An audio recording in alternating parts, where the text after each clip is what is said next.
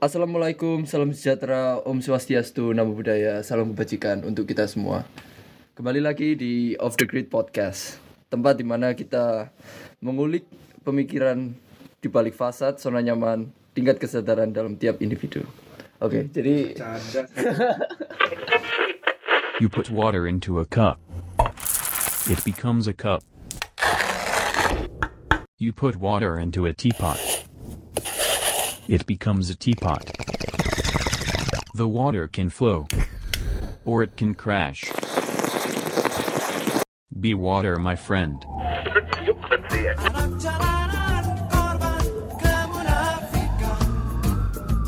Perkenalan nih, bergerak itu pembukaan dulu bro. Jadi hafalnya lama. kan baca skrip. Oke, jadi em, em, malam hari ini kita di eh, settingnya ini ada tiga orang dengan satu narasumber. Jadi saya bersama eh, ini Yoel, Yoel. Kita akan eh, mengulik fasad-fasad di balik kehidupan working holiday dari Mas Billy ya. Billy. Billy. Oke, bisa di bisa dikenalkan dulu untuk eh, Yoel dan Billy supaya pendengar pada tahu nih. Halo, gue Yoel. Gue dari di Australia di Brisbane 10 tahun. Tahun. Mulainya dari student, student 8 tahun. Abadi. Gue begitu iya. cintanya dengan student. Wah. Gak tamat-tamat itu. Tapi hari ini kita eh, lebih ke Billy ya. Jadi eh, Billy ini eh, kita kenal sebagai housemate, cuman dia oh langsung kenalan sendiri lah. Halo semuanya. Tolong dipegang. Jadi nama gue Billy. Eh, nama lengkapnya Billy Suyamo. Gue WHV tahun 2018 dan dari tahun 8 2018 gue udah di sini. Jadi udah kira-kira udah satu tahunan lah ya, satu tahun tiga bulan mungkin ya. 2018 bulan berapa? Bulan November gue nyampe nya. Akhir lah ya. Eh ya, jadi ya setahunan lah ya. Berarti lu ah, setelah aku seti- sebulanan Sebulan setelah kamu ya. ya setelah kita Hmm. Gitu granted. Dua tiga minggu lagi langsung berangkat gue. Lu prosesnya gimana sih? Wah rempong bro. Itu pertama kali. dari, dari awal. lu dapat yang kena kuota habis bukan? Enggak, untung untungnya gue nggak dapat kuota habis. Untungnya gue jago coy, dapat kuota di interview pertama 12 September. Nih, 18 17 12 September 12 September 18 2018. Hmm. Nih gue gue kan nggak ngerti kan kalau misalnya eh, proses WHV kayak gimana di Indo kan gue nggak pernah WHV. Iya Lu iya iya. Proses dari awal, misalnya dari disaring-saring atau gimana lu mesti Hmm. interview atau apa atau lu masih Sebenarnya proses eh, proses WHV itu simple sih kalau di Indonesia. In- harusnya secara general sih simple cuma di Indonesia dilibet-libetin Iya. Tapi itu pentingnya bro, karena kuotanya cuma 1000 orang Indonesia banyak. Nah, menurut gua surat sakti yang kata orang itu surat apa? surat SP? SPRI SPRI ya surat rekomendasi Republik Indonesia ya. Indonesia itu Iya. penyaringnya. Jadi orang-orang yang memang udah punya persyaratannya baru bisa daftar WHV pakainya ini. Jadi SPRI. SPR ini jadi penyaringnya nih. oh jadi yang kita diwawancara di gedung itu Iya, itu itu untuk dapetin SPRI ya benar. Ah, jadi, jadi, kita un- sudah eligible kayak surat-suratnya Hmm, untuk orangnya nih Ah. mumpuni nggak gitu Oh, jadi iya, iya. oh, jadi Australia itu dia menerima siapa pun yang direk- direkomend oleh pemerintah. pemerintah. Ah, ah. Jadi dia percaya ini untuk WHV doang nggak sih bukan Iya, ah, benar. student nggak ada begituan ya Nggak ada. dulu gua student nggak pernah sih kayak gitu kok. Karena student ngurus persyaratannya lengkap. Kalau WHV ini bisa semua orang apply. Nah, menurut gua nih, ini menurut hemat gua ya, pemerintah Australia quote and quote malas. Wah, 10.000 ribu orang daftar yang yang yang eligible cuma 600 kan repot nolak nolakinnya kan ya. Nah, Berarti dia minta Indonesia untuk eh, eh, eh, Indonesia yang bikin PR-nya nih, jadi filternya. tapi aneh juga sih Indonesia kita punya kuota seribu orang terus kayak beberapa tahun terakhir ini dibesarin kayaknya aja jadi Masih seribu bro, masih ya masih. Terakhir gua dengar kan lima ribu. Hmm, belum. Hah? Belum. Jadi per tahun lalu tengah itu IACEPA Bukannya sempat naik ya seribu, seribu lima ratus? belum belum pernah Aja sampai sekarang masih seribu. masih seribu sampai tahun yang sampai per tanggal Maret ini per bulan Maret ini kuota WHV masih seribu bro Nah, nanti setelah desainnya di disetujunya IACPA, Hmm. Indonesia Australia something something agreement gitu, Hmm. naik jadi 4100. Oh, itu belum di di tanda tangan. Kemarin Jokowi kan udah ke Canberra kan untuk presentasi ini kan. Ya. Which is kayak mungkin in couple of months bakalan ditandatangan sih. Mungkin ya. Tahu sendiri kan DPR. Masih suratnya masih ditumpuk-tumpuk kan. Iya, nggak tahu nih nih di, di, di drawer keberapa nih kapan dikeluarinnya. Tapi sih Ibu Me- Me- Menlu udah ngomong-ngomong nih, udah udah pamer-pamer di berita. Gue sempet gue sempet baca berita entah di mana. Dia Heeh. bilang akan dinaikin 5000 Bener. sebenarnya. Hmm. Cuman yang di, kayak disetujui 4100 mungkin. Gradually increase. Jadi dari Oh. jadi sih Mang Siur, tahun lalu tuh yang gue denger itu naiknya dari 2000, 3000, 4000 baru berkala 100 100 100 terus sekarang jadi langsung 4100 jadi jadi naiknya 400% coy. Iya. Dari 1000 jam ke 4000 and then berkala 4100 and then berkala per tahunnya nambah 100 Iya. 100 100 Oh, sampai ini, angka 5000. ini working holiday yang buat Indonesia tuh mulai dari tahun berapa sih? Wah anjing, gak tahu. Dulu tuh kan dari 100 ya. Tahun 2000. Aku pernah eh, kenal dia sudah dapat permanen di sini. Cuman dia dulu mau ngambil eh, WHV Hmm. masih kuotanya masih 100. Iya. Uh, ketolak ya. Tahun berapa? Wah, aku aku nggak tahu, nggak katanya. So, dulu gue uh, pas 2014 2014 ya 2015 mungkin gue selesai jadi student gue pikir gue pengen balik Indo apply jadi WHV Ah. karena gue mau kerja terus kan habis itu ya gue lihat masih belum ada Benar. Terus terus gue mau mau apply gue mau balik Indo mau apply terus gue lihat yang di ada listnya Hmm. di website government itu immigration belum ada Indonesia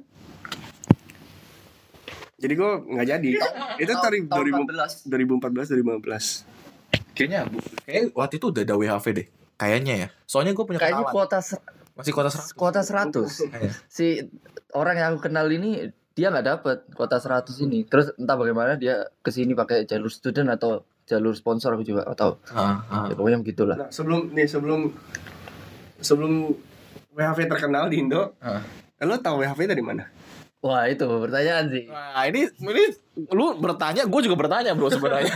gue tahu WHV karena gue udah join grup WHV Indonesia Working Holiday di Facebook itu dari zaman gue kuliah. Oh berarti lumayan terkenal waktu zaman lu kuliah. Ya? Nah gue nggak tahu, gue nggak tahu gimana Lu caranya gue bisa- tahu. Bisa in- di invite gitu? gue gue join. Waktu itu entah kena kayak mungkin dari zaman gue ke SMA sih ya. Karena gue punya cita-cita kuliah di luar. Cuman gagal. Gagalnya sampai cuman gagal. Carilah jalan lain ya. iya iya. Seribu satu jalan ke Roma kan kata ini. Seribu satu ra- jalan menuju Australia. iya ke Bandung kan iya iya walaupun ya ber- berujung empat tahun di Bandung tapi ya sekarang satu Oh, tahun jadi nah di Bandung. Yo iya mbak Kuliah di di mana kalau boleh di sharing kan? Eh, kebetulan gue kuliah di ITB Jurusan. jurusan teknik fisika angkatan 2015 hai teman-teman Sekarang kesibukan, kesibukannya ngerjain apa di Australia? wah berkebun saya mas ini menarik nih. Ini gue belum gue belum pernah ketemu orang yang yang nyetir 2000 kilo untuk kerja cuma dua minggu tiga minggu nggak ngerti Iya. man. dan habis itu pindah nyetir lagi 2000 3000 kilo gila man sakti bro sakti bro itu namanya dedikasi coy Dedikasi. dedikasi atau- Persistence ya. Kunci sukses guys Oke, jadi kalau boleh diceritain dulu eh, kan dapat WHV nih granted. Ke mana dulu nih? Kok langkah pertama di Australia itu di mana? awalnya tuh gue hampir ketipu. Jadi gue daf gue untungnya gue disadarkan coy. Jadi awal-awal tuh gue ya namanya gue masih ma- anak baru tamat kan ya. Gue belum punya uang. Eh. jadi gue pengennya ya kalau bisa nyampe sini kerja gitu loh. Hmm. jadi gue nyari-nyari kerjaan dari Indo. Eh dapat itu. Oh, oh jadi pas lu masih di Indo gue nyari-nyari kerjaan di Australia Australia canggih nggak tanpa Apa- WHV atau Eh, udah udah dapat WHV kan saya nggak mau ilegal mas Oh. Banyak tuh di Indonesia. tolong, tolong cariin anu majikan dong. Dan- tapi tapi lu udah udah set your mind lu mau kerja di farm Eh, karena ke- kan mindset gue Udah ada channel ya. second year. oh Eh, eh, alasannya itu sebenarnya second year. hmm. Jadi gue pengen ngekelarin second year gue, which is 88 hari guys. Persyaratannya kalau Ini udah pemikiran dari Indo nih. iya Anjir. karena kalau lu mau Research-nya banyak. Research-nya banyak. anak ITB Beda, coy beda sama aku sih. Kalau kalau mau dengerin Kalau yang yang penting nyampe dulu aja. Kalau- kalau mau dengerin kisahku ada di podcast podcast sebelumnya. Waduh. gitu gak sih? mohon dicek Iya. yang bagian atas ya guys ya Bawa bro. oh bawah ya oh Bawah. bener bawah sorry sorry. Oke, jadi kembali lagi ke lu. Oke, jadi gua waktu itu udah saya mana? ya? Oh, gua mau ke ini dapat kerjaan nih. Ya di suatu farm lah ya di daerah Western Australia, Kananara. Sorry, ini farmnya dapat dari mana kalau betul? Wah dari Facebook nggak boleh Oh, nyebut nama. nggak- jangan sebut nama. Jangan sebut Ada nama. beberapa as- agensi lah ya. Iya ada. Sekarang netizen tuh ini Ya nanti saya. sebut nama ribet. Iya iya. penjara. Iya. Nanti saya kena UU ITE coy. Mereka kayak tahu aja lu Iya. mau apa anjing. Terus udah berarti berarti dapat dari kayak agensi untuk kalau bersih kontraktor lah. Ini perusahaan apa gitu loh. Ini farm mangga, eh farm pisang. Nggak perusahaan agensimu ini. Gak ada. Gak ada nama. Ini bukan perusahaan. Jadi kontraktor lokal. ke- Langsung ke perusahaannya. Enggak, jadi kebetulan ada orang Indonesia yang kerja di daerah ini. Gua nggak tahu sih dia kerja atau apa, tapi dia nge-share job ini. Kenal kenalan. Lu nggak tahu perusahaan Nggak tahu. si Iya, dia cuma third party ini. iya, heeh. Jadi third party ini yang kita biasa sebut kontraktor Iya. di Australia. Biasa kita sebut di dalam. Ya kontraktor-kontraktor ini dia bilang oke-oke aja. Jadi kayak dia nge-share kontraktor. Dia nge-share kontraktor, and then nggak nyebutin nama farmnya apa, nggak nyebutin di daerah jalannya apa, exactly di mana. Dia cuma ngomong di kota namanya Kananara Nah, di Western Australia, which is gak ada penerbangan ke sana. Jadi gue pertama kali beli tiket ya udahlah ya yang kayak ya udahlah kita adventure aja kita coba-coba aja ke trial and error lah ya. High landing di Darwin. Australia Darwin. Cuma 12 jam coy. Dari Darwin ke Kananara itu berapa lama? Naik bus berapa hari ya? Sehari. Dari Darwin ke Western. Ya bayangin guys dari NT NT Ini ini tunggu. Tuh, Tolong WA. Tolong dijabarkan naik bus tuh 20-an jam. 20-an jam. Untungnya gue belum pernah ke sana. Jadi gitu gue dapat job ini, terus gue di share juga sama thank you untuk WHV Bandung. Mereka ada nge-share kontak eh, nih eh, Angga sama Vincent. Angga ini yang kerja di kontraktor ini. Kontrak enggak, yang Angga ini sama Vincent nih dulunya kontraktor dari Agri Labor. Ah, ah. Jadi jadi ini gue punya bad feeling nih. Wah yang di Kananara ini kayaknya scam nih. Aduh, nama farm gak dikasih tahu. Nerimanya saya enak. Iya, soalnya Kayak- banyak scam gitu juga. Iya, nama, nama farmnya nggak dikasih tahu, main datang aja. Wah agak resiko kan ya. Terus gue kayak, yaudah gue nyari yang lain lagi kan. Hmm. Nyari, eh dibalas sama si Angga. Hmm. Bill, ini gue ada kerjaan nih buat lu kata dia gitu. Hmm. Di Cairns, which is equally jauhnya. Tapi, Tapi Darwin, kan- Darwin kan- lebih dekat dong. Bisa terbang. Oh iya, masuk akal. Kita ingatnya Billy tuh Iya. nyetir. Zaman itu belum punya mobil bro. Bisa terbang. Terus gue cek dong harga tiket ke naik bus ke Kanarara sama flight ke Cairns equal harganya. Nah, Jadi gue kayak mikir, wah ya, Berapa? berapa ya kemarin seratusan ya seratusan dolar one way terus gue mikir-mikir ya udahlah ya maksudnya yang satu company-nya jelas ada websitenya dan semacamnya yang satu waduh. Ber- berdasarkan berdasarkan nama dan nomor telepon. Sama, sama Iman ya. Iya, sama iman. Iman dan takwa. Sampai selalu dijual, dijual sebagai budak manusia. Iya, iman tuh kadang penting sih cuman in some cases perlu dipertanyakan. Kayaknya kebanyakan deh Iman. makanya gue berganti haluan coy. Ganti iman gue Terus kamu ambil yang di. Cairns. Nah itu awal mula gue bekerja sama agri juga agri labor. Dan lu so far stick sama farm sampai sampai satu tahun sampai detik ini nih gue masih berkebun guys. Berarti perkebunan pertama apa nih? mangga. Petik mangga. yo tapi dia dia tukang kebun sini ini men gajinya ratusan juta bro. Oh, aduh. Itu kalau di YouTube clickbait banget ya. Iya sih. tukang kebun gaji ratusan juta. ada juga clickbaitnya coy tukang cuci piring gaji puluhan juta per minggu Aku tahu sih itu. ada itu coy di di di Australia Di Australia itu Australia Di juga. Melbourne apa di mana? Sydney. WHV bukan dia dia. Dia WHV juga. Kayaknya ya, gue lupa coy itu dua tahun lalu kayaknya gue. WHV bertanda kutip atau gimana ya? Waduh. ya. Kan. WH- Oke kembali lah, kembali lah. Jangan jangan ngomongin orang lah di sini. ya. Ini podcast podcast ngegunjing nih. Ngegunjing WHV Indonesia. balik ke benang merah, balik ke benang merah. Iya, iya. Benang merah. Oke. Jadi lu dari lu dari lu dari Cairns itu lu stay berapa lama di Cairns? di Cairns itu gue lima minggu. Lima minggu. Kayaknya ya lima minggu sampai Des- Januari awal. Nah sistem dia sistem lu kerja gitu itu dikontrak per lima minggu atau lu Per project. Per project? Heeh. Biasanya per project lima minggu. Oke lu stay sama gue lima minggu gitu. Estimate ya. Estimate. Tapi tetap estimate ya. Namanya namanya kerjaan yang bergantung sama cuaca ya. Hmm. Segalanya estimate kan. Hmm. Dia nggak bisa ngomong lima minggu saklek lima minggu. Hmm. Jadi lu Roughly gitu lah. ya. Ah. jadi lu habis habis lima minggu selesai dan lu mesti nyari tempat kerja lain nyari lagi gitu Benar. hidup lu nggak pasti berarti setelah sebulan setengah nggak pasti Berarti berat kan dari Keynes nih. Eh dari dari sorry dari dari Darwin ke Keynes. Habis itu tempat tinggal gimana? Nah, untungnya eh bentar yang di Darwin nih. atapkan langit Di Darwin berapa hari? Di Darwin 12 jam gua. Less than Oh, a day. tapi, tapi kamu sampai Darwin sudah tahu ini mau ke Keynes nih. Mau ke Cairns. ah. Jadi bu- di Darwin sudah menetapkan pilihan nih. udah menetapkan minus. Bahkan sebelum dari Darwin. Jadi karena well prepared sekali. well prepared coy. Jadi ketika gua dengan bodohnya membeli tiket ke Darwin, gue dapat tawaran ke Cairns kan. Jadi langsung gua rerouting gitu.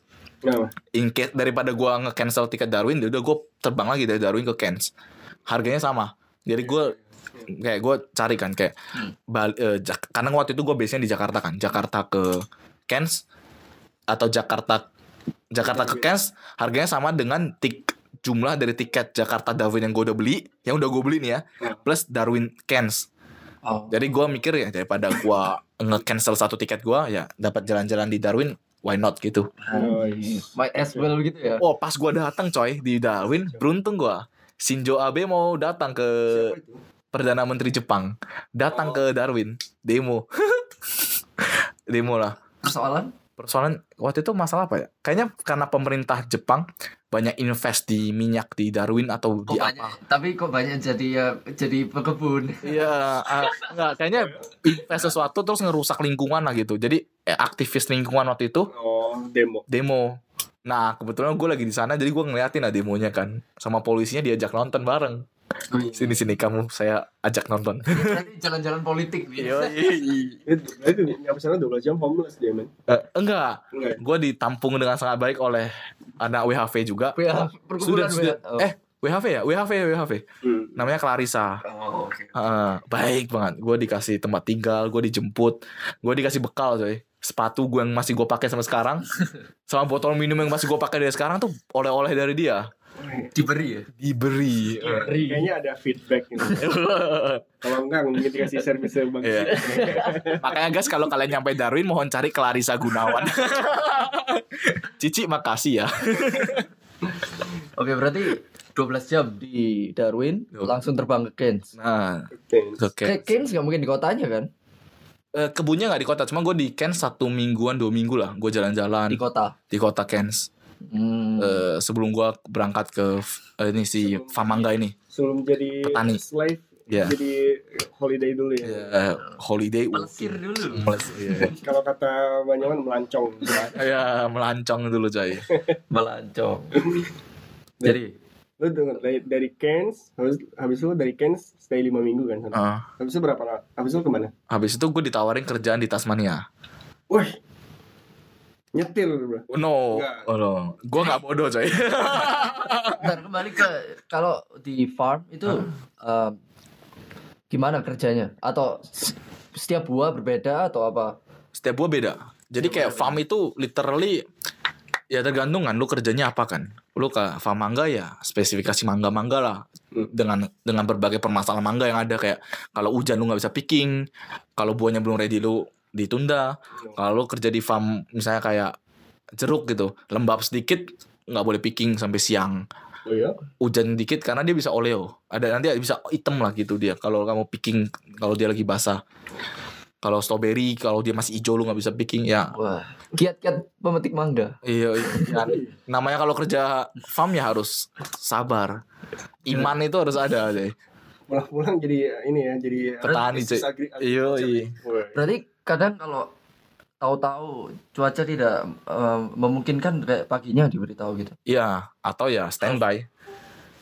Eh, jadi kayak tergantung, tergantung, tergantung tipe tipikal farmer sih. Ada farmer yang kayak ah daripada kerja setengah hari bagusnya gue liburin gitu. Ada farmer yang ngejar target karena dia punya target produksi kan. Yang which is ya 4 jam itu berharga. Oke. Ya tergantung banget sih sama tipikal farmer. Dan dulu ibaratnya per hour itu. Iya, karena juga kita dibayar per hourly rate kan, bukan bukan kayak bukan kayak kalau di Indo tukang gitu kan per kontrak gitu kan. per Per jam.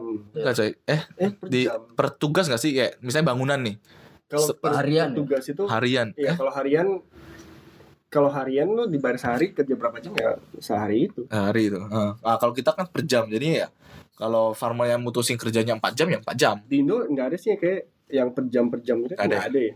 ada gak sih jarang lah mungkin. Jarang kayaknya. Di Indo tuh kayak ide per hari atau bulan kan ya. Eh, atau ini per apa itu ya kalau tukang bangunan namanya apa ya Harian, harian ya harian. Buruh buruh harian jadinya. harian ya Iya. kalau petani gue juga nggak tahu sih gue belum pernah eh ah eh nggak ada nih kayaknya nggak tahu deh Sekali bertani ke luar negeri. Yo, sekali bertani langsung sih langsung gajinya dolar ya Tapi un- clickbait. tapi enak banget dapatnya hourly rate gak sih? Iya syukur alhamdulillahnya ya Oh, oke. Ke- Soalnya banyak yang dia berdasarkan per apa tray ya. per piece rate jadi Per kayak piece. per tergantung lah hitungnya per kilo Hmm. per tray per bucket per bin per whatever it is Itu tergantung yang punya farm. Iya. Itu main speed ya kalau itu ya. Mm. itu tergantung untung-untungannya sih jadi kayak biasanya farmer ngitungnya gini kayak kalau misalnya per jam let's say lah ya ini lagi picking mangga nih Hmm. per jam per orang tuh dia bisa making let's say satu bin harganya sekian gitu per, ah, per- ah, jadi harga binnya itu 20-an sekian kan nah kalau misalnya dia pengen ngejar productivity Hmm. dalam artian dia pengen orang cepat kerjanya ya dia bayarnya piece rate Hmm. ngerti nggak Oke. karena orang yang piece rate itu dia nggak akan kerja speed hourly dong Iya. ya ini, ini balik lagi tergantung mindset sih jadi ada hitung hitungannya in some cases membayar hourly itu lebih menguntungkan karena lu bisa ngejaga quality Iya. tapi kalau ngebayar piece rate lu nggak bisa ngejaga quality tapi lu nge- ngejar speed Oh. Kuantitinya banyak itu. quantity Jadi ah. mangga yang udah matang nggak matang masuk aja. Iya. Jadi ini sekarang nggak ma- pentingnya makanya kalau di rate itu banyak QA. QA-nya ketat. Karena apa? Takut orang making ambil semua buah-buahan yang belum ready tapi masuk ke tray, which is rugi di farmernya. Iya, karena nggak bisa di nggak bisa di Nggak bisa apa nggak bisa dipasang lagi ke buah eh, pohon kan. Anjing ini mangga belum ready ditempel lagi kan mm, Gak mungkin tumbuh lagi. pakai super glue. Nggak bisa. Nah, jadi itu ada hitungannya. Farmer itu punya hitungan Hmm. se- eh, mana yang lebih menguntungkan. Tergantung buah juga kan. Apa ini? Enggak juga kayak strawberry yang kata orang quote and quote piece rate ada juga farmer yang milih hourly Oh ya. ada juga Berarti lu waktu picking gitu dikasih tahu nggak kayak oh yang buah yang mateng itu seperti ini. oh iya pasti jelasin semua kayak mm, caranya seperti apa bekerja yang aman seperti apa bekerja yang baik itu seperti apa Jadi semua diajarin. semua orang yang sana tuh dikasih tahu. Kayak, Uh-uh. kayak ini dong kayak pramugari sebelum kalau naik pesawat tuh. eh, Lu mau ribuan kali naik pesawat juga tetap di, di Yoi. ngasal kan? Apa? ah, Iya. mm, jadi pasti dikasih tahu ah. Iya. karena balik lagi safe working environment kan penting kan di sini. Ya orang Australia gitu kan. Tapi lu petik mangga apa sih lu bisa injury man? Uh, petik nih aduh. Bukannya itu ya getahnya ya? Dia. banyak coy. Temen gua hampir hilang tangan coy. salah salah petik jempol gua. keseleo Kesel. temen gua kelingkingnya hampir hilang coy. Hah? kepotong hampir kepotong mesin. Itu mangga yang buat oh. Mesin. Kan lu kerja di samping mesin. Ada temen gue yang ketabrak mesin coy. Ada temen gue yang kakinya kelindas mesin Berarti mesin itu apa? Kayak Harvey eh, gimana ngomongnya itu kayak, kayak mau kayak truk lah mobil kayak gitu Mobil gitu ya, yang kolek. Eh, yang kolek mangganya jadi kan lu mangga lu nggak mungkin lu gopong-gopong kan lu taruh di mesin kan Iya. Nah mesin ini kan ya namanya mesin kalau bayangin kalau dia bisa ngambil mangga ya pasti dia berat dong. Nggak mungkin mobil eh, kayak mesin kayak tray-nya Coles gitu. Tray supermarket gitu kan. Nah, jadi kayak apa namanya? Karena dia besar, ya lu harus otomatis lu harus safe lah bekerja. Hmm. Pakai safety shoes lah. Atau kalau lu ma- ma- metik mangga saking nafsunya tuh ya manjat-manjat kan nari nari-nari di atas jatuh ke gelumpak Begitu bahagianya metik mangga. iya kan kayak saya wih di Australia iya, iya. ular Oh iya. eh, ular Gue gila gue benci banget. iya lu kadang gue per sering coy metik metik metik eh ular Oh gila. punten man. nggak jadi Lu lu pernah gak metik gitu tahu-tahu ada lomba sama kanguru di sebelahnya. Oh, kalau kanguru takut orang coy oh, enggak enggak ada ya. kita datang kabur dia si ularnya pun datang lagi nih kampret, Iya. kampret.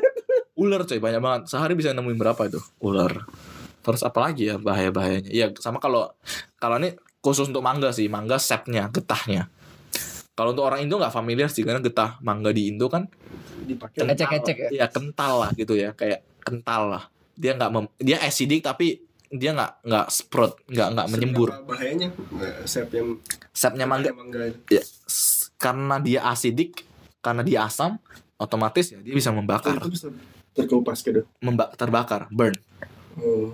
Gatel.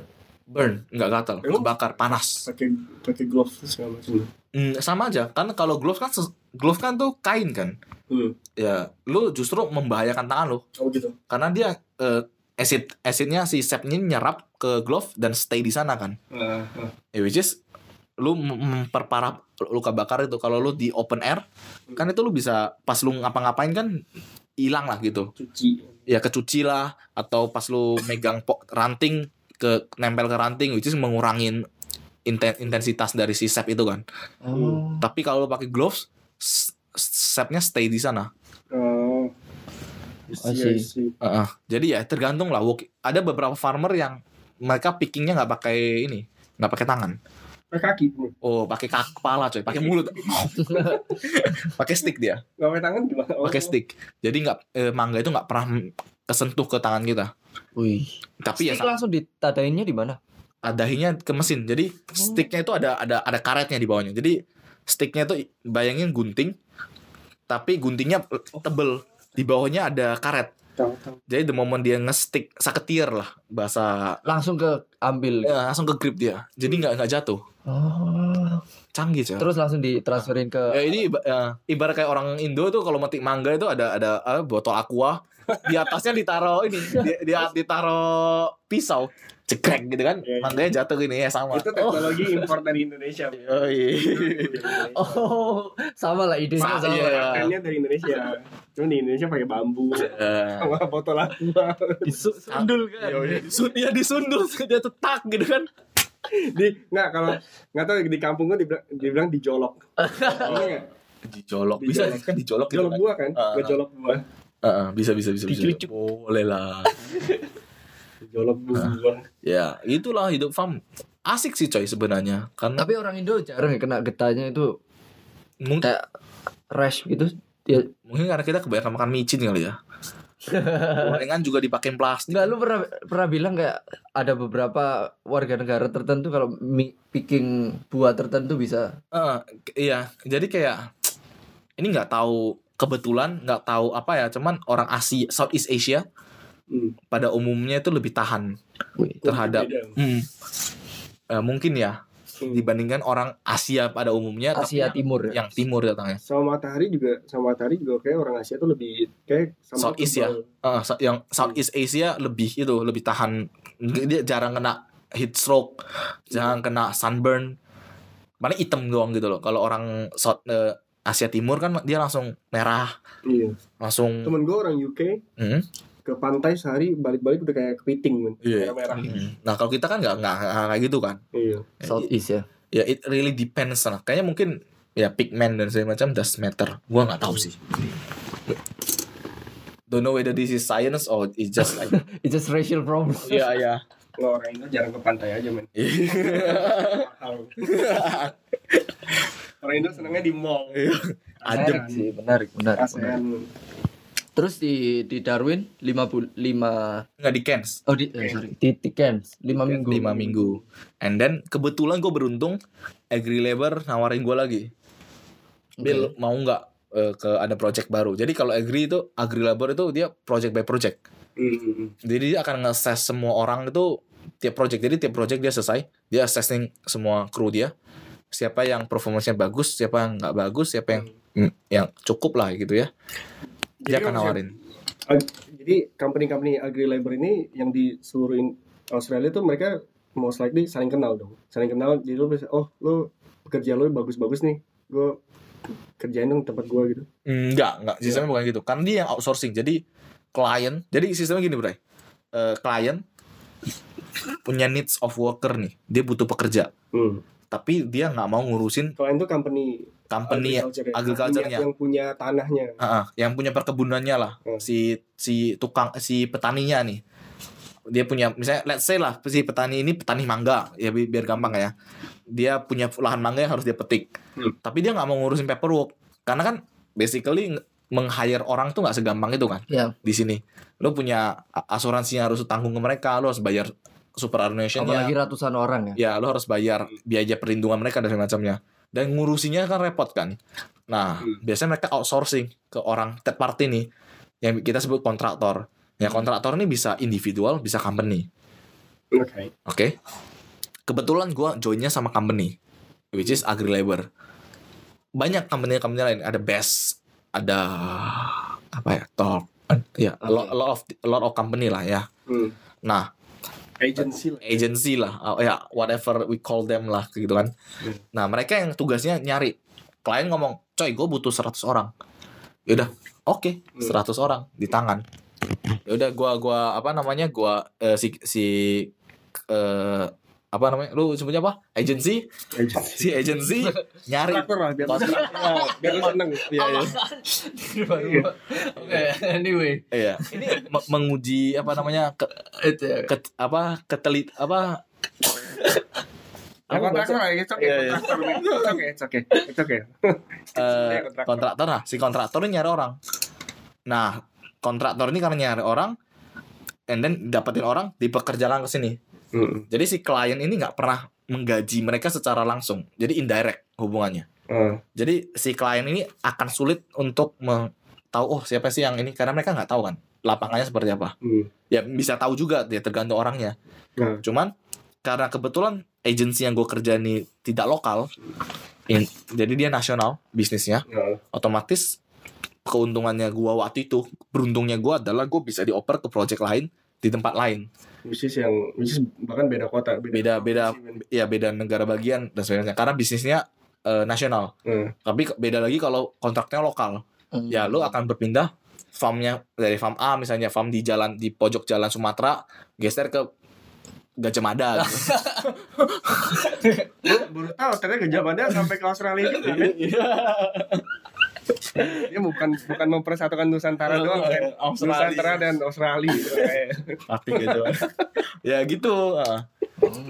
nah kayak kemarin gua bisa pindah ke Tasmania Terus dikasih tahu dari Kane sini ke farm lain itu ada jeda waktu atau gitu? hmm, Atau Untuk- langsung? untuk untuk aja. biasanya ada jeda waktu karena namanya tumbuhan sama lagi kan balik lagi melihat cuaca kan Kayak yang lu alami sekarang. berarti. iya nggak akan dia nggak akan langsung sambung menyambung menjadi satu Hmm, hmm, hmm. ya, Ekspektasinya bisa lancar gitu, cuman ya Ya. lu kan harus berpindah juga kan Hmm. kalau misalnya lu harus berpindah tempat ini ya lu nggak bisa expect lu hari ini hari ini selesai project A langsung besok besok. project B kecuali lu bisa teleportasi kan pintu ke mana saja Nah, Bill kan gue gue kenal lu sebagai orang yang mencari pekerjaan tuh menyetir sampai 2000 Iya. kilometer men. Tapi lu paling lama lu jeda lu nggak bekerja tuh berapa lama?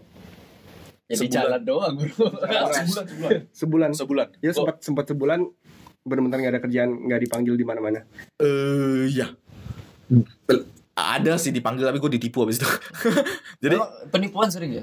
Sering coy. Jadi kayak gue udah dipanggil ke karena kebetulan waktu itu Maksudnya gimana nipunya? Ini kan company gede. enggak, gue lagi nggak sama Agri. Jadi Oh, oke. eh, selesai season di Tasmania, Agri Labor lagi kosong waktu itu. Jadi gue lah. jadi gue dikasih job nextnya itu satu bulan kemudian jadi eh, waktu itu gue selesai di Tasmania tuh Januari akhir and then my next job itu 2019 2019 ya Januari 2019 akhir gue selesai project di Tasmania gue punya project baru lagi tuh Maret Maret 2019 jadi Februari ini kosong nih nah nah otomatis gue harus nyari dong kerjaan gue mau ngapain di Februari ini. Hmm. cari cari cari dapat tuh gue di kota di NSW Hmm. di Orange nama kotanya Orange Farmnya? Eh nggak boleh sebut nama Oh, juga. enggak maksudnya buah apa? apel kebetulan katanya itu. Enggak sesuai ya? kurang aja siapa yang kasih nama orange ini? Orange tapi punya farmnya apel di sana. Pak. nah gue ke sana eh dibilang ya ya ya ya I have a job for you. Just come. Whenever you are ready you will work. Like if you you, you can arrive by tomorrow then the, the day after then you can work gitu. Kata mereka dengan sangat pedenya kan. Ya udah gue usahakan dong. Secepat apa pun nye- menyeberang selat itu. Beda kota oh, beda pulau cuk. Oh iya lu di Tasmania. Di Tasmania gue nyetir gue sama teman gue beberapa. Nyam, naik ferry. naik ferry eh, nyampe lah ke Orange itu. Udah nyampe ke sana ditanya balik ya lah ngapain kamu datang? Ah? kenapa kamu cepet banget datang ya? Hmm. wah Jadi lu maaf. udah nyampe sana ya udah di, dipertanyakan lagi kenapa kenapa datang gitu. Jadi lu pas nyampe sana nggak langsung kerja? Nggak langsung kerja. Dibilang sabar sabar sabar sabar. Satu minggu lagi. Satu minggu lagi kita bisa bisa mulai kerja. Ya udahlah ya gue kayak mikir ya gue baru selesai kerja di tempat lain. Ya take it easy dulu lah ya take it easy. Gue kerja eh gue gua nunggu di sana. Satu minggu dibilang kayak belum ready nih minggu depan lagi. Ya lu diulur-ulur. Gua ulur ulur Ya, ya, yang yang bilang bentar lagi bentar lagi. Ini kayak yang punya tanah. Kontrak enggak kontraktor lokal. Kontraktor lok. Oh. sampai gue samperin tuh gue tanya kan cuy lu farmnya apa sih namanya? Gitu. Jangan-jangan nggak punya farm dia. Cuma nyuruh orang datang doang. Gue samperin kan farmnya kan. Iya memang belum ready katanya Oh. ya mau gimana kan ya. Terus ya ya nggak nipu lah cuman emang belum ready aja. Ya Ya nip- masalah masalah nip- nipu sih kan dia nyuruh gue datang katanya ready kan. Jadi nipu lu benefit dia apa? Nggak ngerti gue ya ada orang ready mungkin. hobi kali. Nah gitu. Terus ya habis itu gue kerja sih. Se- se- kerja seminggu sama dia. And then libur lagi. Pokoknya nggak jelas lah di sana. Gue kayak tidur. Karena gue nggak punya uang juga di sana gue terakhirnya tidur di mobil. Homeless. homeless. Sakti, sakti. tiga, tiga minggu gue homeless cuy. Terus lu akhirnya fuck it, kita ke farm lain gitu. terakhir gue oh untungnya Jauh-jauh ke Australia jadi gembel. Yoi. Kayaknya lu berat sih. kita berat sih. Kita jauh-jauh Ya, ke terus- Australia gembel. terus ya udah untungnya waktu itu udah menjelang eh, mulanya project sama Agri Labor lagi ya udah gue jam lagi ke Agri Labor Hmm. jadi momentumnya pas Oh lu tanya lagi ke Agri ini. Nggak, karena gue memang udah di lock gue udah di lock di project baru kan Ah, Oh, di project yang bulan Maret ini. jadi kayak gue udah ditunda-tunda seminggu dua minggu kan Februari cuma empat minggu ya. Oh iya. ya seminggu nggak jelas gitu ya udahlah ya kayak fuck this shit lah ya. Gue move lah. selama, selama sebulan itu lu gak punya duit? Nggak punya duit gue tidur di Tidur di mobil. di mobil. Mau beli- buat makan dong. Ya Eh, jadi gue hemat banget di sana. Jadi guys man working holiday in, in Australia tuh nggak se nggak seindah. Enggak semulus itu ya. nggak seindah yang kayak di pikiran cuman ada beberapa orang yang working holiday itu yang udah dapat kerjaan tetap duitnya kan cang Ya. Untung-untungan enggak sih? untung-untungan timing bro timing dan skill sih dan relasi Iya. menurut Iya, gue iya. itu sih relasi das meter sih sama Indo sama Australia sama aja Tapi lu udah colong start sih pinter sih. Dulu aku sampai sini nggak tahu apa-apa sih. Tempat tinggal nggak ada gitu. Gitulah. Ya, ya itu untungnya WHV Indonesia WHV di mana pun sih mereka punya komunitas kan Iya, ya iya. WHV Vietnam they, they, they do have their own community WHV Jepang they do have WHV Korea Selatan they do have tapi mostly yang kerja di farm itu orang-orang ini ya orang-orang WHV backpackers ya orang, orang Aussie itu ini ya agak-agak males kalau kerja di Iya, mereka kalau kerja biasanya levelnya udah sampai di manager. hmm. Kalau mereka di level terbawah Nggak mau ya. nggak mau mereka. Oh, ogah mereka. Ih, ih, apaan ya? agak sih agak males sih ini apa getah getah ini Aduh gue alergi Seperti itu. dari terus udah berarti udah nyampe lu udah nyampe di di mana ya Nah itu gue project selanjutnya di bulan Maret itu gue udah dapat project lagi. Di bulan Maret At tuh same, eh, in the same state. uh, enggak enggak. Jadi gue waktu itu di NSW, tapi gue punya project baru di Queensland. Ah, jadi gue pindah lagi. Cuma kebetulan waktu itu cuma butuh nyetir 8 jam doang sih. Wah gila. banget ya. Ya cuma butuh 8 jam Jadi aja. gue berangkat siang, nyampe sana. Eh gue berangkatnya jam berapa? Jam 10 jam 11 nyampe sana jam 7 lah, jam 6 jam 7. Berarti kalau 8 jam nyetir cuman ya. Cuman dong, iya itu nggak nyampe. Biasa kalau gue nyetir 10 jam coy. Surabaya Bali lah 8 jam. Dia, dia kalau tinggal di ini lagi lagi tinggal di Surabaya, antar mau ke, mau ke Jakarta. Dia 8 jam. Gila. Makanya gue mikir nih, waduh kalau gue di balik-balik Indo nggak nggak ada kerjaan, supir lintas antar provi, lin- antar kota, provinsi. antar kota, antar provinsi cuy gue. Antar pulau gue bisa cuy. Nyupir men. Indo. Gue bisa ngambil paket dari Aceh ngantarnya ke Papua. cuy. paling paling jauh nyetir nyetir berapa jam? Berapa kilo berapa jam? Eh paling jauh 2000 kilo sih kayaknya gue. Per sekali jalannya. Jadi gue tuh nge-breakdown biasanya. Ah. Eh enggak kebetulan gue agak gue gue gue breakdown. Jadi kemarin tuh gue lagi di South Australia. Gue punya project baru di Queensland North North Queensland Far North, which is eh, tiga ribuan kilo. Cuman gue gue butuh melewati Brisbane. Hmm. Jadi gue dari South Australia ini agak rempong sih. Sebenarnya gue bisa inland kan, nyampe eh, Maksudnya Queensland inland itu lewat tengah ya? lewat tengah. ha. Ini Cuma- dulu lewat lewat Coastline. Coast. Coast, eh, karena gue butuh ke Brisbane. Tapi karena gue harus ke Brisbane itu adding another 1000. Nge- gue ya. just another thousand. just another 1000. Ya dari dari tiga empat tiga ribu nambah seribu. Cincai lah ya. Cuma tambah 30 persen. Ya paling paling pantatnya lebih pegel dikit. Iya. Jadi gue waktu itu dari South Australia nyetir ke Brisbane du- 1800 1900 ya let's say 2000 lah ya. Hmm. 2000 kilo and then gue stay di Brisbane sebentar and then nyetir lagi 1800 kilo. Manusia sakti. Jadi totalnya berapa itu? 3800 kilo. Tapi katanya kalau kita driving along the coastal itu lebih aman ya daripada inland ya. Gue belum jujur gue belum pernah inland sih. Tapi basically secara populasi Australia itu pada di coastline. Hmm. Jadi kalau lu mau aman in terms of lu gampang ketemu manusia lainnya, ya pastinya lu drivingnya di coast. banyak begal kalau lihat inland. Ya kalau inland ketemunya kuda, onta, burung. Oh yang begal onta. Air bang, air. Wota. Yang begal kanguru, onta. Beda ya di sini. Tapi katanya gue dengar kalau misalnya lu mau nyetir inland, lu mesti ngiring-ngiringan nih. Dua tiga mobil gitu. Coba. Coba. Just in case kalau satu breakdown, Ah. yang lain bisa bantuin gitu.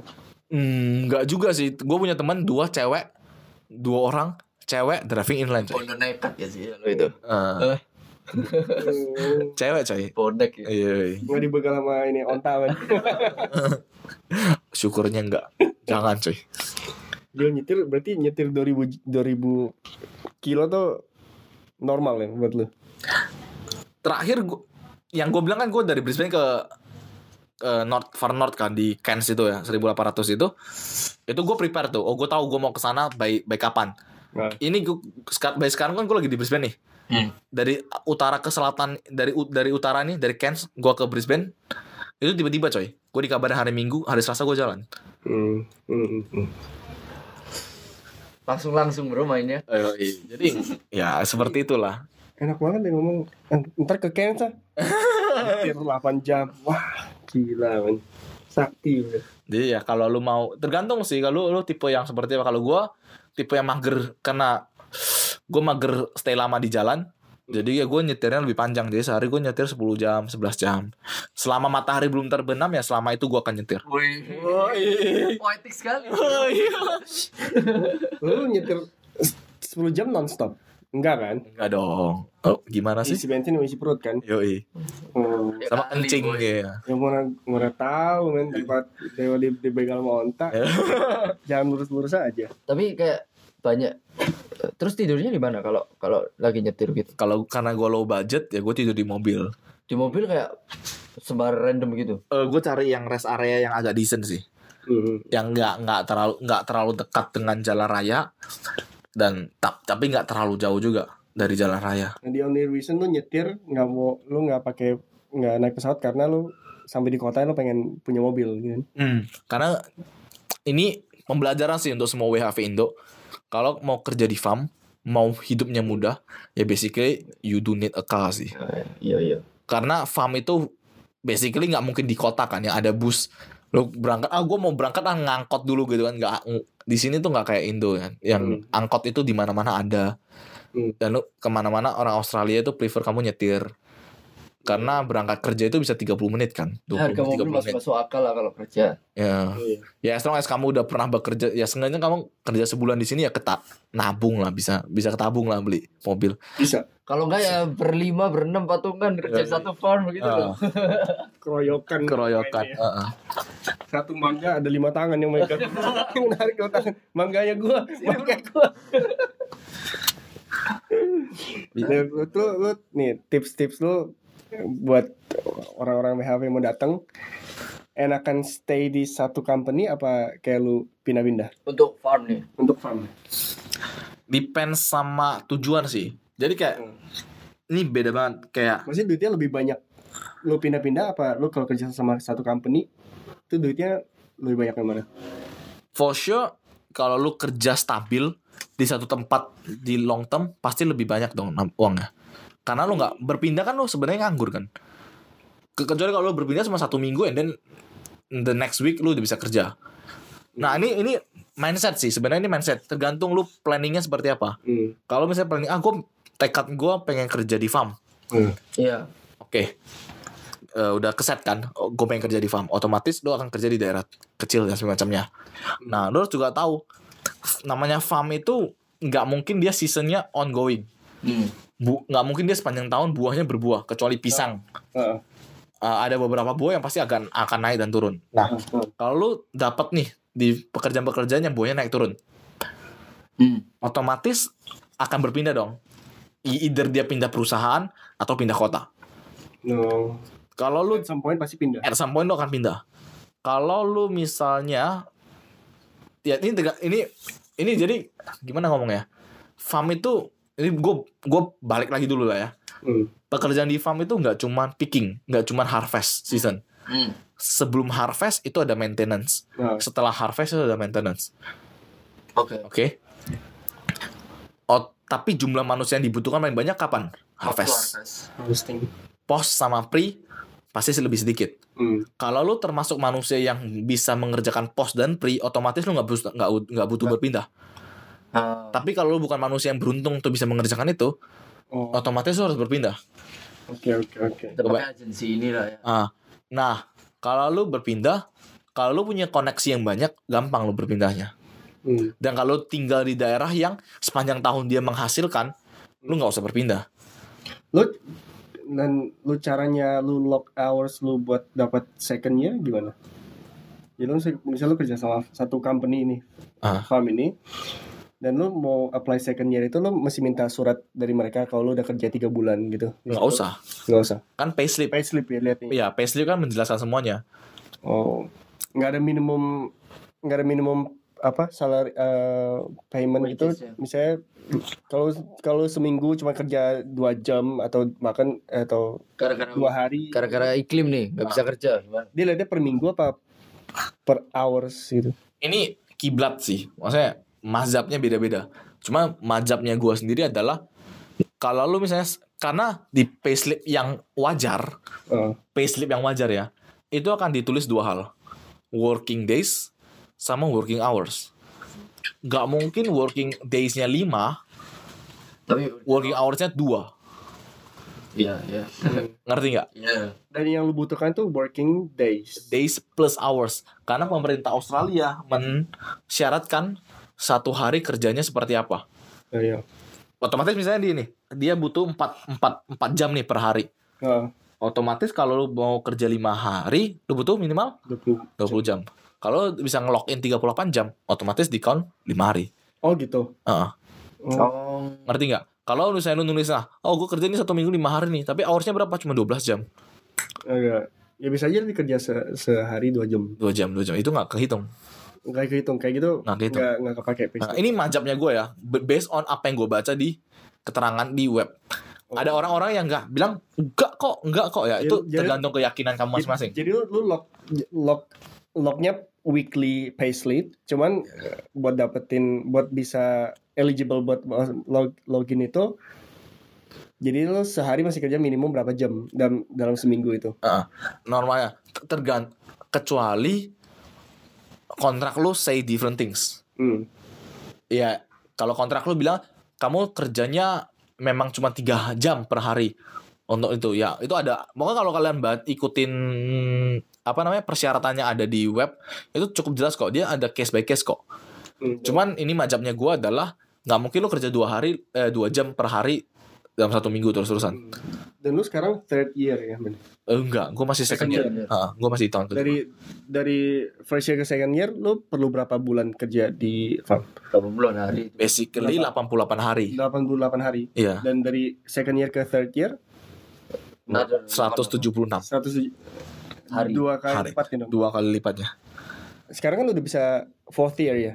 Gua enggak. Enggak, third year bro. Baru. Third year terakhir. Harusnya. Nggak tahu kalau mau tambah lagi. Iya. Oh. Coba ini dikirimkan apa? Iya. saran ke pemerintah Australia. Ayo guys, let's log into our change.org. Kita buat petisi. Fourth year on the go. Oh, Third year tuh udah mentok. By Saat now. ini sih. Per saat ini yes. Tapi ada rumornya kalau udah terjadi nggak bisa ambil no further stay atau bagaimana itu ya? Lu Hmm. pernah dengar nggak? Hmm, itu ya balik lagi nih based on kalau kita pokoknya kita segalanya mengacu ke website imigrasi kan ya. Ya.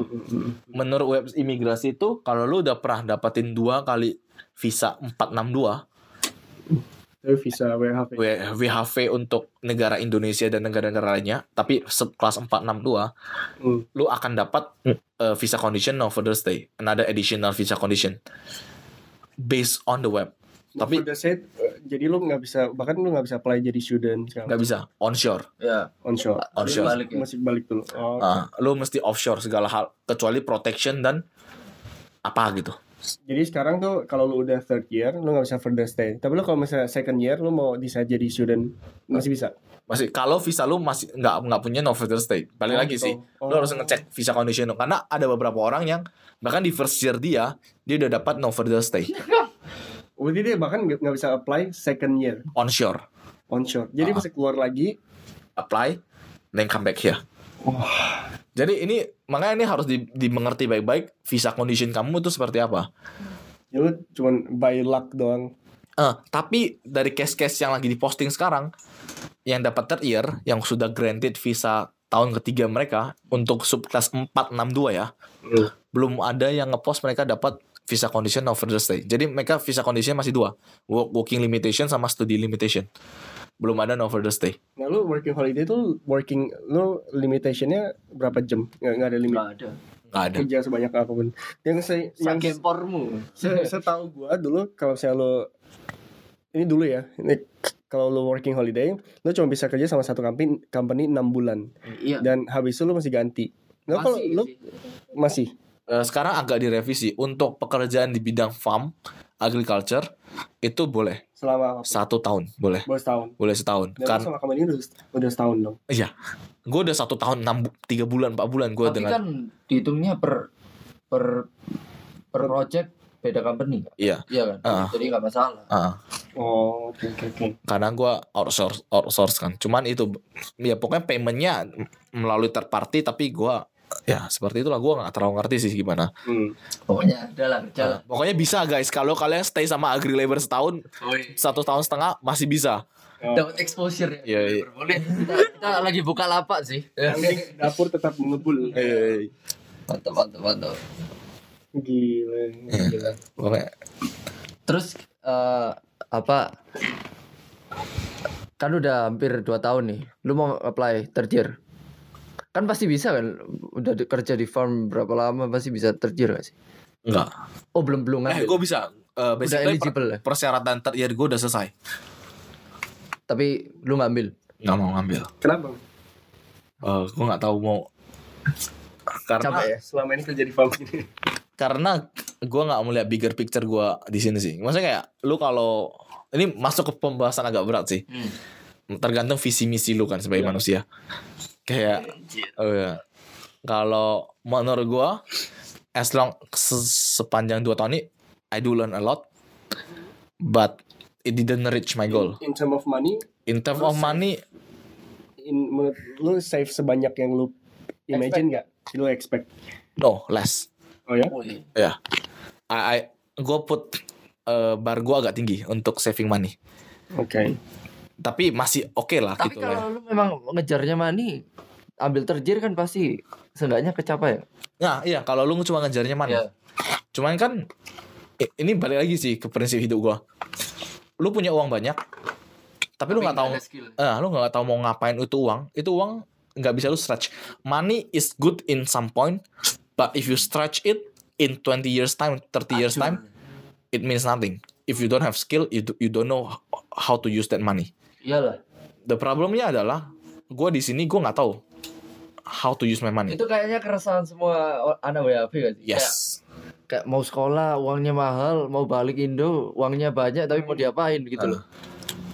Gila sih. Nah, jadi itu literally tergantung lu banget sih. Kayak ada orang yang mikir, maybe some people mereka udah punya business plan sih. Oh, I, I do have this business plan, but I need some Money itu. ya money untuk to run this to uh, roll the ball lah gitu ya, Ya. to make the ball start rolling. Ya short term shortcutnya adalah datang ke sini earn some money, Hmm. come back start your business.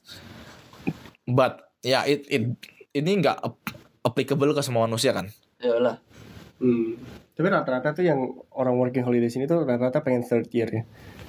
Rata-rata. Hmm. Yes. Kadang ada yang ngambil itu sih. Kayak walaupun ada isu nggak boleh further stay mereka tetap tetap ngambil walaupun rencananya mau jadi student. Hmm. Banyak sih kayaknya. Karena karena basically onshore offshore nggak repot. Repotnya adalah lu harus pulang dulu aja sih kayak you need to unpack all your things, you sell everything, go back home. Ya. Yang which is lu you know lu akan kembali lagi ke sini gitu loh. Maksudnya kayak repot lah gitu sebenarnya.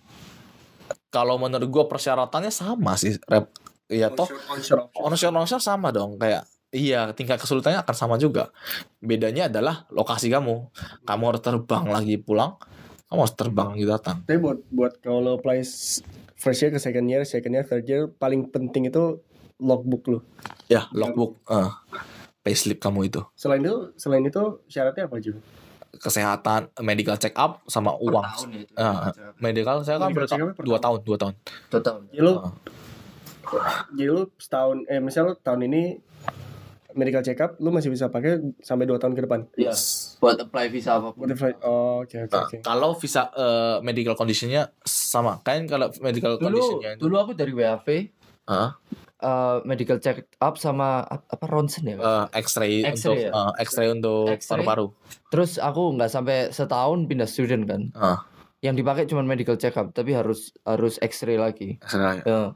Karena beda-beda. Karena X-ray-nya kita kemarin 401, 402 ya. Waduh, eh, itu conditionnya untuk medical. Ya, ada, gue lupa sih. Cuman pas gue lihat itu tiap visa itu dia panjang listnya. Jadi misalnya visa tipe subkelas ini ini ini gitu, butuhnya A B C D. Untuk WHV mungkin butuhnya A dan B. Kalau lu untuk visa yang butuh A B C D, ya lu harus ngelakuin medical untuk C dan D lagi. Hmm. Iya iya iya. iya. Terus, terus habis medical check up apa lagi man? syarat-syaratnya? Uang sih, Eh, bank statement ya, Lima ribu.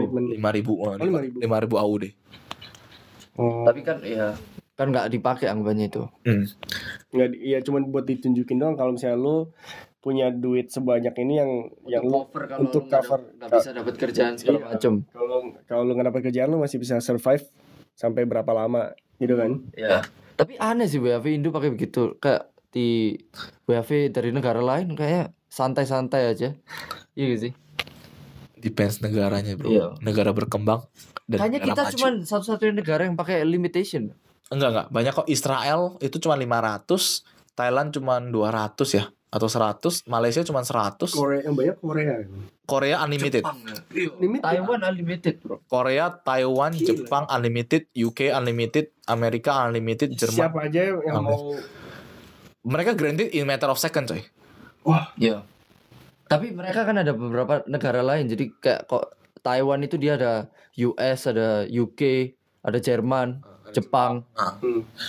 Eh, New Zealand juga Iya. it depends lah WHV itu banyak banget cuman makanya kenapa di Australia di dikategorikan kedua subkelas untuk WHV 462 sama 417 kalau lu lihat daftar negaranya itu kelihatan coy 417 itu mostly dominated by negara besar. ya? negara dev- develop India juga dong. India maksudnya 462 India baru ada punya WHV Amerika 462. enggak coy Enggak ya? 417 417 ya? ah Hmm. Nah lu pas buat eh, buat pertama kali ke sini lu syaratnya apa aja, Ban?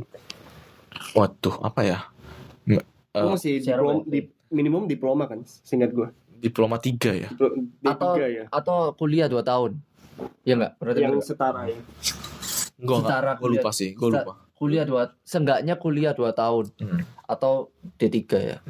Oh iya, gue pernah dengar teman gue sih orang Korea, dia kuliah, dia kuliah dua, eh orang Jepang, dia kuliah dua tahun, terus dia take a break setahun, working holiday di sini.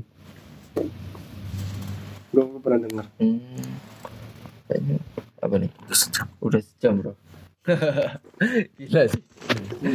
Terus eh apa lah ya? Pem- pertanyaan yang Lu belum masuk in Critical ya? Hmm? Mengulik-ngulik itu in-depthnya lu belum masuk. ya Kan tema lu itu kan. temanya besar ya. Tema besar. Dibicarakan enteng banget ya. Tema kehidupan gitu. Berarti eh, ekspektasi sama realita waktu sebelum berangkat sama sudah di sini beda banget ya. Enggak terlalu sih.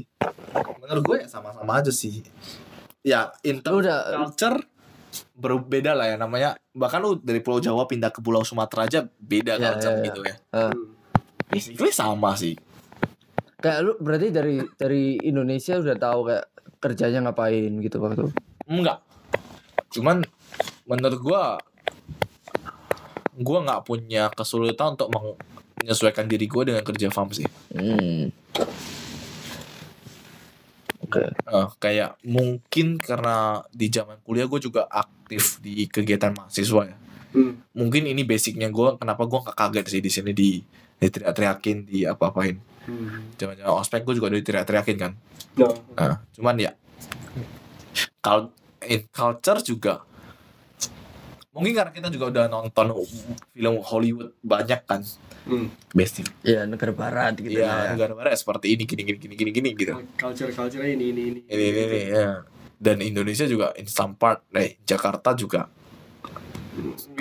iya culture-nya juga nggak nggak nggak nggak sebeda ini gitu Oh, iya iya iya. dan Australia banyak Asia cuk Asia to. Asia tok ini ini Orang Australia tuh orang Asia. Asia ekonomi Australia maju karena orang Asia nih Karena imigran-imigran kayak kita.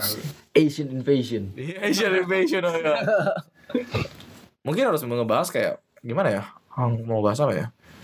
WHV Indo kayak tiap negara tuh punya ciri khas tau gak sih? WHV lo ngerasa gak sih? Kayak negara ini punya ciri khas seperti apa nih? Kayaknya menurutku Indo yang paling lengket gak sih? Negara tuh apa? Kayak maksudnya paling erat gitu loh. Kayak Enggak cuy. enggak Enggak. Aku mikirnya soalnya kita ada limitasi be- berapa ribu orang, terus orangnya juga kayak kecil gitu loh. Enggak, kayak kayak paling akrab gitu loh mungkin. Enggak juga ya. Enggak juga. Nggak tahu sih Brisbane jarang ketemu sih. Oh sih orang-orang. Iya orang-orang WHV-nya kayak saling membantu gitu nggak sih? Maybe yes, maybe no ya. It Nggak menurut gue ini re- really depends on the people sih. Cuman ya kalau untuk kalau ngomongin sifat ya, ngomongin wataknya orang Indonesia ya pada umumnya ini kayak orang Indonesia tuh Ngumpul-ngumpul berantem. ya kok Iya. Ngumpul-ngumpul-ngumpul, ntar gosip satu gosip di sini berantem. mungkin itu ya harus diperbaiki ya nggak sih? Lo masih keep your circle small man. Iyalah. Said by Yoel. Juru kunci. Emang, gitu aja iya sih. Hmm, maybe maybe sih. Kayak ya namanya lu dealing sama orang dengan 100 misalnya let's say 100 kepala ya, 100 watak kan. Apalagi ya, bahasanya sama juga. Iya, iya. Iya, apa sentimental itu ada gitu loh. sama Sih. Semakin banyak orang ya, semakin resiko buat Cuman resiko buat gesekan Chaos, ya. tuh semakin Tinggi. gede cuman gue nggak lihat gesekan kalau di WHV Jepang sih atau WHV Korea. Nah, mungkin mereka berantem lu nggak ngerti Nggak aja Gue gua kira mereka berteman gitu ya. Piring pecah gitu. Oh bentuk Orang- keakraban. orang, orang, orang Jepang kan sopan men Iya. Yang berantem juga sopan oh, mohon maaf saya kurang suka saya kurang suka sama kelakuan kamu Oh, maaf, saya kok nyolot ya? mohon maaf kamu kok nyolot sekali ya kamu kok kurang ajar Iya, tapi mungkin ya beda-beda sih. Cuma gue tahu. Cuma ini pengalaman gue ketika bekerja sama Agri sih. Orang Indo itu mikirnya kebanyakan. Mungkin karena nggak tahu ya. Kayak kalau mau bekerja itu Mungkin keba- kebanyakan tuh SN as in kalau mau kerja tuh mikir gitu. Kayak diambil enggak ya? Diambil nggak mau diambil. Ya ini ini budaya buruk. Ini gue kayak gue encounter banyak banget sih. Karena kebetulan gue dapat gue agak beruntung lah gue bisa kerja SN re- recruiter kan. hmm. Jadi gue nge-hire be- orang-orang juga untuk beberapa project ya agri labor kan. Jadi kayak mereka itu sistemnya gini semua pekerjaan itu di-apply sama dia. In various company. Not only agri labor misalnya dia ke best harvest dia ke let's say talk dia ke mana-mana gitu lah ya. Semua di-apply. Karena semua company ini gak ngobrol kan satu sama lain kan. Hmm. otomatis di company A let's say A approved. Oh, banyak tawaran Iya, gitu. B enggak dia bukan banyak tawaran, dia menawarkan diri ke banyak mana, tapi karena labor otomatis gampang itu keterimanya. Di A keterima, di B keterima, di C keterima. Nanti dia baru itu Mikir compare gitu. Iya, di compare compare compare compare terus hilang tiba-tiba. Which is se- sebenarnya ethical manner nggak bagus. Tapi ya ini realita gitu loh kayak lu orang bakal argumen kan gue belum sign kontrak gitu. Ya secara legal sih bisa ya. Ya, legally ini oke karena lu belum sign kontrak. Tapi ethically lu merusak nama diri lu sendiri. karena lu udah diterima lu nggak ambil Iya. Ah. Dan ini kebiasaan buruk menurut gua pribadi. Ketika the, the kita second time lu apply the same the same company Ya. mungkin dapat Ah, ah, lagi. ah. dan kalau ini terjadi secara jamaah dan tidak terkontrol dalam artian ini bisa jadi kalau kita belajar statistik ya kita kalau ngomongin statistik nih statistik itu ngomonginnya apa individual atau populasi Populasi. populasi general atau spesifik General. kalau Jadi kalau banyak yang kayak ngelakuin begitu ini kebaca Dicap. juga. Iya, oh, Ya. orang dari negara ini seperti Kelakuannya ini orang dari negara sana seperti ini ini general not good stereotyping not good Iya. but Happens. happens but kalau company ngambil policy negara ngambil policy mereka melihatnya apa populasi secara general Iya. Berarti oh, dari di tempatmu agri labor juga kayak orang dari sini dianggap begini begini juga. Ada stereotypical juga. Not not not from a labor sih Oh, basically ya everybody maksudnya ini kayak general lah Hmm. not not not tidak di practicing di company gua Tapi tapi ya gen- on general lu kelihatan ya. kelihatan patternnya gitu loh Berarti as a company, as a company lo kalau misalnya being set stereotype tuh perlu dong ini. stereotype Main aman. Hmm, nggak juga. Kalau kayak gitu, setiap kamp, setiap neg- negara itu punya stereotip negatif pasti. Nggak mungkin negara ini positif. Ya nggak? Kalau Iya kalau ngomong main aman, otomatis dia nggak bisa nge-hire siapa-siapa. Iya. Cuman dia dia bisa ambil yang Kalau udah company nggak boleh ngelihat gitu nggak sih? Lihat Ah. individunya nggak sih? Dan makanya kenapa kalau di agri kita doing interview. Hmm. So we talk to the candidate. Ya, even though ini nggak nggak bisa 100% reassuring, tapi kita bisa Hanya jaga kualitas. ya kita gitu ya. menjaga kualitas. Ya. Cuman ini akan sedih dengan orang-orang farmer-farmer kecil yang Kenapa? mereka butuh pekerja, mereka nggak, mereka susah nih sourcing pekerja. Mereka mau sourcing sendiri. Eh orang-orang udah janji sama dia, dia hilang. Oh. Ethically, eh legally ini oke.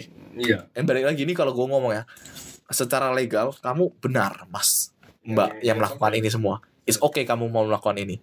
But ethically, kamu salah. Enggak enggak etis ya. Ya, you trust issue, trust itu penting coy. Mungkin kalau berarti at, at that point kalau misalnya dia eh, sebagai company dia pengen pengen menyaring orang essence like you know pakai apa namanya pakai saringan stereotype bener. gagal. Tapi gagal, Gagal. nanti. Karena kalau menyaring orang dengan stereotip otomatis semua input misalnya let's say stereotipnya orang Indonesia itu rajin. Hmm. Kita pakai yang positif nih. Iya. Otomatis semua aplikan dari orang Indonesia kalau pakai saringannya orang Indonesia rajin lewat semua. Saring semua. Kalau kita pakai stereotip nih, orang Indonesia malas. Hmm. Pada kesaringan nih, cut, kesaring semua. Nggak ada yang lewat. Bener nggak? Jadi nggak bisa. Iya. Oh, Oke oke. Eh, nggak bisa. Cuman ini akan menimbulkan pola pikir di semua orang, bukan company juga, Secara nggak langsung. secara nggak langsung. Cuma gue mikir kalau misalnya gue sebagai company ngomong seca- secara statistik gitu, misalnya gue hire 100 orang orang negara A, Heeh. 100 orang orang negara B, 100 orang negara C. Yang produktif dari negara A 70 orang, yang nggak produktif 30 orang, yang produktif dari negara B 60 orang lebih ya, ya negara C berapalah 20 orang yang produktif gitu. Gue next termnya, gue bakal hire lebih banyak orang yang negara A. Hmm. Karena gue tahu secara statistik mereka lebih produktif dari 100 orang. Gitu. Walaupun ya dan dan gue akan tetap lakukan interview lah. Gue tahu semua, semua orang beda. Tapi akan jadi evolusi. Ngerti evolusi nggak? Cacat logika. Oke. Karena awalnya ini nih seru nih. Karena lu nge-hire let's say itu 100 100 100 di negara A, B, C 100 100 100 ya. In next term lu hire eh, kota A. katanya let's say A bagus nih. Nah, Oh, gue naikin kotanya jadi 200. Ini kepotong jadi negara B jadi 50, negara C jadi 50. Out of 200 ke- kalau yang bagus mah ini are, we are talking about probability dan statistika ya. Kalau statistiknya cuma 60%, otomatis yang bagus karena cuma ada berapa? Nah, 60%. Ang statistik tuh will remain the same. Semakin banyak populasi yang lu lihat, semakin banyak orang, otomatis lu nggak bisa garanti 200 orang itu akan kerjanya bagus. Iya sih. Kebayang nggak? Jadi kalau dari 200 orang itu ternyata yang turn out yang bagus masih tetap 70, lu akan menjudge, oh ini ternyata kualitasnya menurun. Enggak. hmm, hmm. Kebayang nggak? Semakin Eh, banyak. By the way, gue bukan nggak stereotip ya. Iya, iya. Karena ini ini sama nih kayak ad- ini kalau kita ngomong balik kalau ke Indonesia ini sekolah unggulan dan sekolah tidak unggulan. Sekolah unggulan di Jakarta di Jakarta let's say itu mahasiswa eh, siswanya 1000 misalnya. Yang pintar 20, yang dilombakan ke tingkat internasional 20 orang itu aja. Tapi kan orang lihatnya anjir 20 orang itu jago-jago ya. Oh, sekolah itu bagus ya. Menangnya olimpiade A, B, C, D gitu-gitu. Hmm. Dia lupa sekolah B yang siswanya cuma satu yang lolos ke tingkat internasional, mahasiswanya cuma 100. Siswanya cuma 100. Kalau diperbandingkan lebih. Let's say ya, Ini kan udah jauh jauh dari ini, jauh dari working working holiday.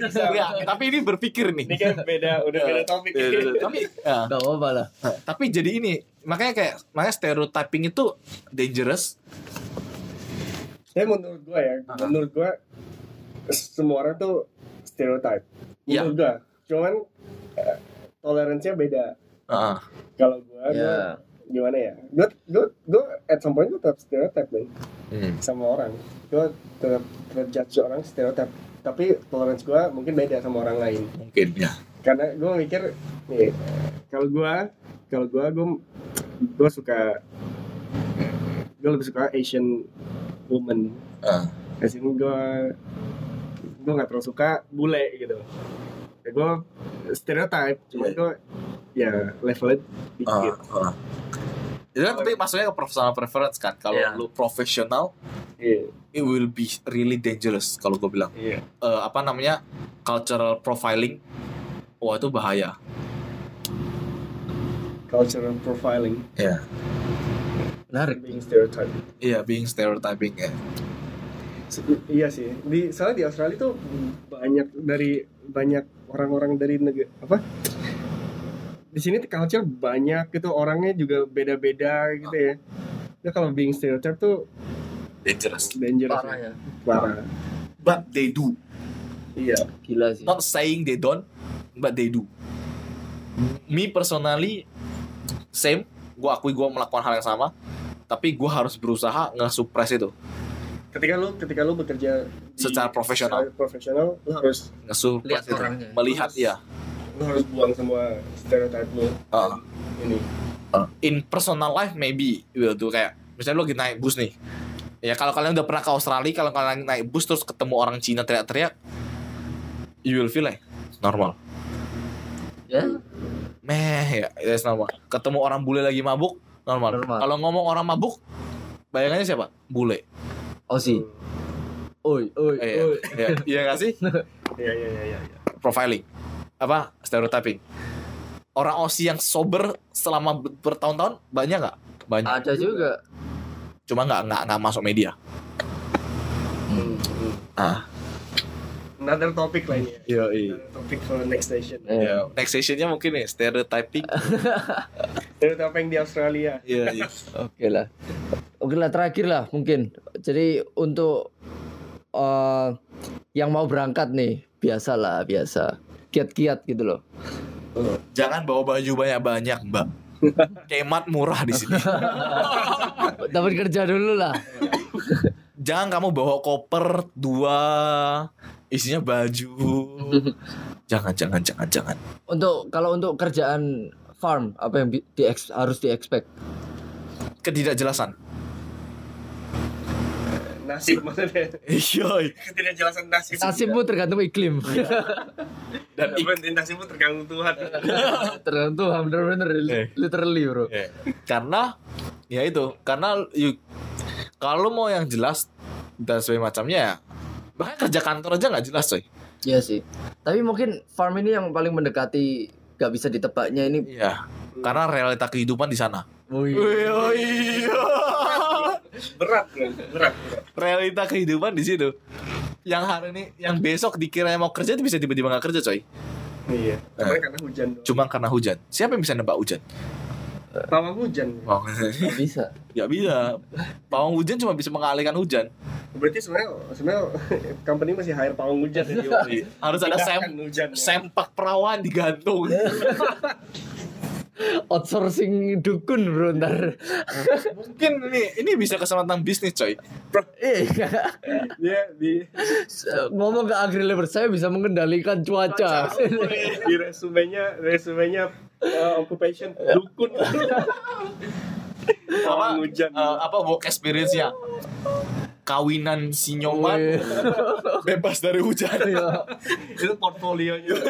Portfolio. Radius 5 km hujan deras. Itu itu uh, kalau bahasa Automatic hire. Inggris, bahasa Inggrisnya occupationnya weather changer. weather changer men. Sakti. Terus apa lagi ya? Kali. Ya, Kiat-kiatnya untuk orang yang baru ya. Mobil mobil Mobil. Iya, gimana nih? belilah mobil coy. Menurut gue itu penting banget. Cari orang lah ya. Kelemahan orang Indonesia yang selama ini gue temuin adalah orang Indonesia nggak punya mobil. Nggak ngobrol. Gua dong. Ntar gua Suruh mobil ya. Karena basically kalau kalian mau kerja di tempat yang remote, ya you do need it. Tapi aku pernah dengar dari lu kayak eh kayak di agri kalau kalian travel beberapa orang memang di oh kita jagain untuk ini kayak supaya dapat gimana sih maksudnya kayak kalau lu ada yang tag along gitu dapat kerjaannya bareng gitu atau Ya gimana? karena bisa ini- bisa ini berlaku bisa di, diomongin aja ke Hmm. agensinya ya. Ya ini kan berlaku ke semua orang kan kalau lu misalnya daftar kerja nih let's say daftar kerja di farm gitu kan masa dia kan pasti tanya kan who are you traveling with Ya. dalam artian kalau misalnya gue punya cuma j- punya job satu orang nih Ya. yang da- yang daftar kamu tapi kamu bawa pacar kamu mungkin nggak kamu tinggalin pacar kamu untuk kerja tergantung barang. ya, tergantung orang. Mungkin nggak mungkin sih. mungkin nggak mungkin kan ya ini ini jadi bahan pertimbangan kalau misalnya ini jobnya cuma satu orang nih. Iya. yang ya kamu punya tebengan nih punya Iya. punya apa depending orang-orang yang bergantung sama kamu. Otomatis ini harus jadi bahan pertimbangan gue kan. Kalau lu you say yes ke gue and then, dan dan pacar kamu bilang say no. Lu milihnya siapa? Ada ada ada chances kamu nolak kerjaan gue kan? Ya. Hmm. beda ceritanya kalau gue punya job dua orang lu sama pacar kamu. Oh cocok. Kita butuh dua orang ada dua orang yang lamar. Iya. dan kita continue karena kita tahu dua-duanya qualify bisa Oh, I see. kalau traveling tiga orang gue cuma punya job dua orang hubungannya teman ya bisa gue tanyain kalian mau berpisah atau nggak berpisah Jadi sangat sangat considerate lah ya. iya iya makanya ini jadi bahan pertimbangan sebenarnya karena Kalau misalnya lo tiga orang, ya akan diusahakan dicarikan pekerjaan yang tiga orang dong supaya kalian stay together. Ya carilah berdua bertiga. Iya. Ya lah. Kalau kalian berlapan gitu kan ya, Masuk akal ya. Iya, nggak masuk akal cuman ya kadang-kadang ada juga manusia yang travelingnya berapa orang? 8 mbak. Ada ya? Gue pernah ketemu 8 orang. Naik van. Itu cari cari kerjaan Mobil. semua. Cari kerja semua. 8 orang nggak punya mobil. Eh nggak punya mobil. Indo. Iya. 8 orang gimana cari kerjaan untuk mereka nggak tahu gua. Nggak mau dipisah. Prinsip Awal prinsip menyusahkan hidup orang lain tuh selalu iya apa? Mak Mangan nggak mangan, yang penting kumpul. awalnya nggak mau tapi la- lama-lama mereka sadar.